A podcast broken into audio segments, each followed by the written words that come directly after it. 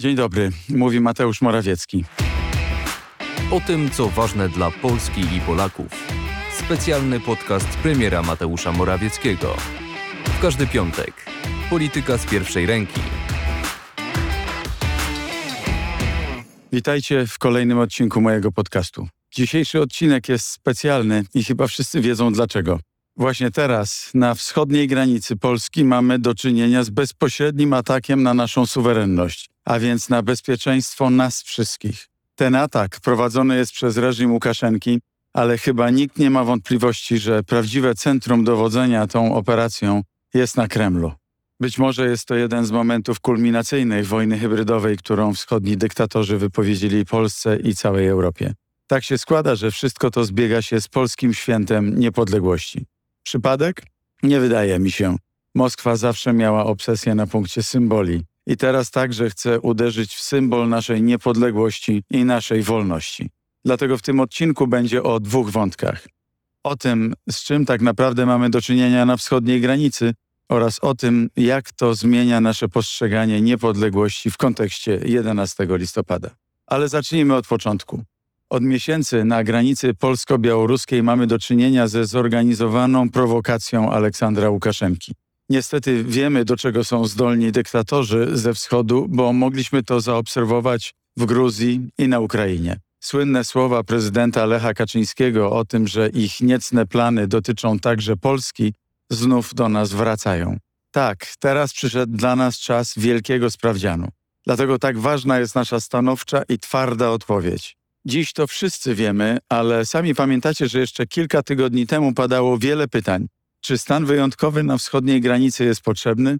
Czy zabezpieczenie jej umocnieniami jest naprawdę niezbędne? Były nawet takie pytania, czy to zagrożenie jest realne. Moi drodzy, w takich momentach zadaniem rządu nie jest dywagować, tylko działać, bo stawką jest bezpieczeństwo obywateli. I dlatego zareagowaliśmy natychmiast. I chcę już na samym początku wszystkich Was zapewnić, że cokolwiek się wydarzy, zrobimy wszystko, by polska granica była bezpieczna. To jest nasz najświętszy obowiązek. Chciałbym, abyśmy jednak zastanowili się nad innymi aspektami tej sytuacji. Myślę, że wielu z nas zadaje sobie pytanie, dlaczego właściwie reżim Łukaszenki zdecydował się na rozkręcenie nowego kryzysu migracyjnego? Co na tym zyskuje? Jakie ma motywacje? Zapewne istnieje tutaj jakiś cel ekonomiczny. Mińsk pewnie również na tej operacji zarabia. Tak, to prawda. Państwowe linie lotnicze, Belawia i hotele zarobiły na pewno na obsłudze turystów z Bliskiego Wschodu. Służby specjalne też nie podprowadzają migrantów pod granicę za przysłowiowe dziękuję. Ale jest też inny, banalnie prosty powód i dużo bardziej istotny. Polska, podobnie jak cała wspólnota europejska, opowiedziała się za demokratycznymi przemianami na Białorusi. Za tymi demokratycznymi przemianami, których symbolem stała się Swietłana Cichanowska. Działania Łukaszenki to również odwet na Unii Europejskiej za sankcje nałożone na Mińsk. Jednak to tylko element większego celu politycznego, choć raczej powinienem powiedzieć neoimperialnego, bo to, z czym mamy do czynienia, jest imperializmem w czystej postaci. Decyzje zostały podjęte na Kremlu, a podstawowym celem jest dalsze osłabianie i rozbijanie Unii Europejskiej. Jeśli nie masz możliwości się wzmocnić, to osłabiasz przeciwnika. Taka jest filozofia Rosji. Choć na granicy z Białorusią odbywa się fizyczna konfrontacja, wszyscy widzieliśmy przecież zdjęcia i filmy, jak grupa imigrantów atakowała zasieki, to musimy pamiętać, że w wojnie hybrydowej walka toczy się przede wszystkim na polu informacyjnym. Służby białoruskie wpuszczają w medialny obieg zmanipulowane zdjęcia. Przykładem jest choćby fotografia chłopca z zapłakanymi oczami, który stoi przed zaporą na polskiej granicy. Jego wygląd łamie serce. Prawda jest jednak inna. Ten chłopiec kilka minut wcześniej jest do tego zdjęcia odpowiednio charakteryzowany. Dwóch mężczyzn kilkukrotnie dmucha mu w oczy papierosowym dymem, być może także stosowane są inne metody. Takich zdjęć i filmów już są dziesiątki, a będą setki lub tysiące. Bądźcie ostrożni i krytyczni w ich ocenie. To sposób Łukaszenki, który ma nas skłócić, wywołać histerię i społeczne niepokoje. My zamiast wzruszeń chcieliśmy potrzebującym zapewnić realną pomoc. Podejmowaliśmy próby dotarcia do tych osób z konwojem humanitarnym. Białoruskie służby nie wpuściły tego konwoju do siebie. Ciężarówki z żywnością, namiotami, śpiworami cały czas są gotowe, ale Łukaszenka działa jak gangster. Jemu kompletnie nie zależy na ludziach koczujących przy granicy. Jemu zależy wyłącznie na eskalacji kryzysu. Dlatego cała Unia musi w tej sprawie mówić jednym głosem. I poza kilkoma niechlubnymi wyjątkami, Unia Europejska jest w tej sprawie zgodna. Teraz ważne są dalsze działania na poziomie dyplomatycznym. Najistotniejsza jest współpraca przy zamykaniu kolejnych kanałów przerzutu migrantów na Białoruś. Dlatego cieszę się, że dziś, inaczej niż miało to miejsce w przypadku poprzednich kryzysów, mówimy w Europie, w przestrzeni euroatlantyckiej, wspólnym głosem. Jestem w bieżącym kontakcie z przewodniczącą Komisji Europejskiej Ursulą von der Leyen. Spotkałem się również w Warszawie z przewodniczącym Rady Europejskiej Charlesem Michelem. Codziennie rozmawiam z kilkoma premierami różnych państw. Zgadzamy się, że trzeba niezwłocznie podjąć działania na rzecz zabezpieczenia granicy zewnętrznej Unii Europejskiej. W ten sposób cała Europa wyciąga wnioski z kryzysu imigracyjnego z 2015 roku. Ale na ten moment cała odpowiedzialność spoczęła na Polsce i krajach bałtyckich. Atak na nasze granice możemy odeprzeć tylko własnymi siłami. Dlatego bezpieczeństwa polskiej granicy strzegą ramię w ramię funkcjonariusze Straży Granicznej i Policji, żołnierze Wojska Polskiego i żołnierze Wojsk Obrony Terytorialnej i robią to z pełnym poświęceniem, bo doskonale rozumieją, że granica państwa równa się suwerenność. Wszystkim funkcjonariuszom, ale też ich kierownictwu chciałbym bardzo podziękować. Wszystkim żołnierzom Wojska Polskiego, Wojsk Obrony Terytorialnej. Jesteśmy z Was dumni i jesteśmy Wam wdzięczni. Macie nasze pełne wsparcie i macie wielkie poparcie Polaków czego najlepszym dowodem jest popularność i wielomilionowe zasięgi akcji Murem za polskim mundurem. Zachęcam, aby każdy tę akcję wsparł we własnym zakresie. Niech oni każdego dnia dostają dowody na to, że cała Polska stoi za nimi murem. To jest podcast premiera Mateusza Morawieckiego.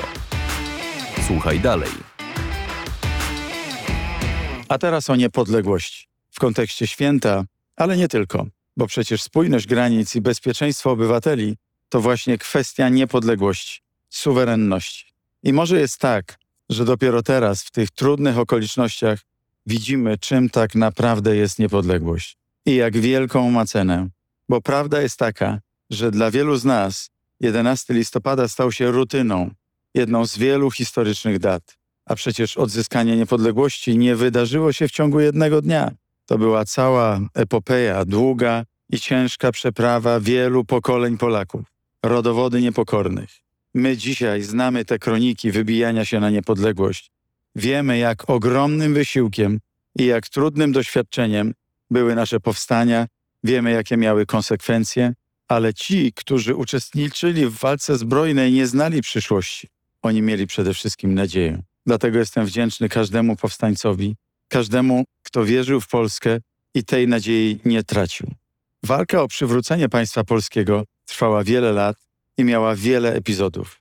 Ona toczyła się na polach bitew, ale także na ulicach, w szkołach, w kawiarniach, w tajnych organizacjach i na politycznych salonach. Ale przecież niepodległości nie byłoby bez matek, które czytały swoim dzieciom polską poezję na dobranoc. Nie byłoby jej bez codziennej, często morderczo ciężkiej pracy milionów kobiet i mężczyzn. Nie byłoby jej bez pisarzy, malarzy, duchownych, polityków i dyplomatów. Przyznam wam, że zawsze, kiedy sobie wyobrażam tych wszystkich ludzi, mój zachwyt nad tym wielopokoleniowym wysiłkiem rośnie.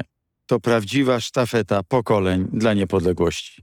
Najpiękniejsze w tym wszystkim jest to, że Polska była wartością ponad partiami i ponad stronnictwami. Przecież wysiłek polskiej organizacji wojskowej i legionów nie przyniósłby sukcesu, gdyby nie praca u podstaw. Dziesiątki czasopism, które przez dekady budowały poczucie narodowej przynależności wśród milionów Polaków we wszystkich zaborach. Żeby uświadomić sobie, jak wielkie było to osiągnięcie, trzeba przypomnieć, że Polacy żyli w trzech różnych państwach, różnych rzeczywistościach.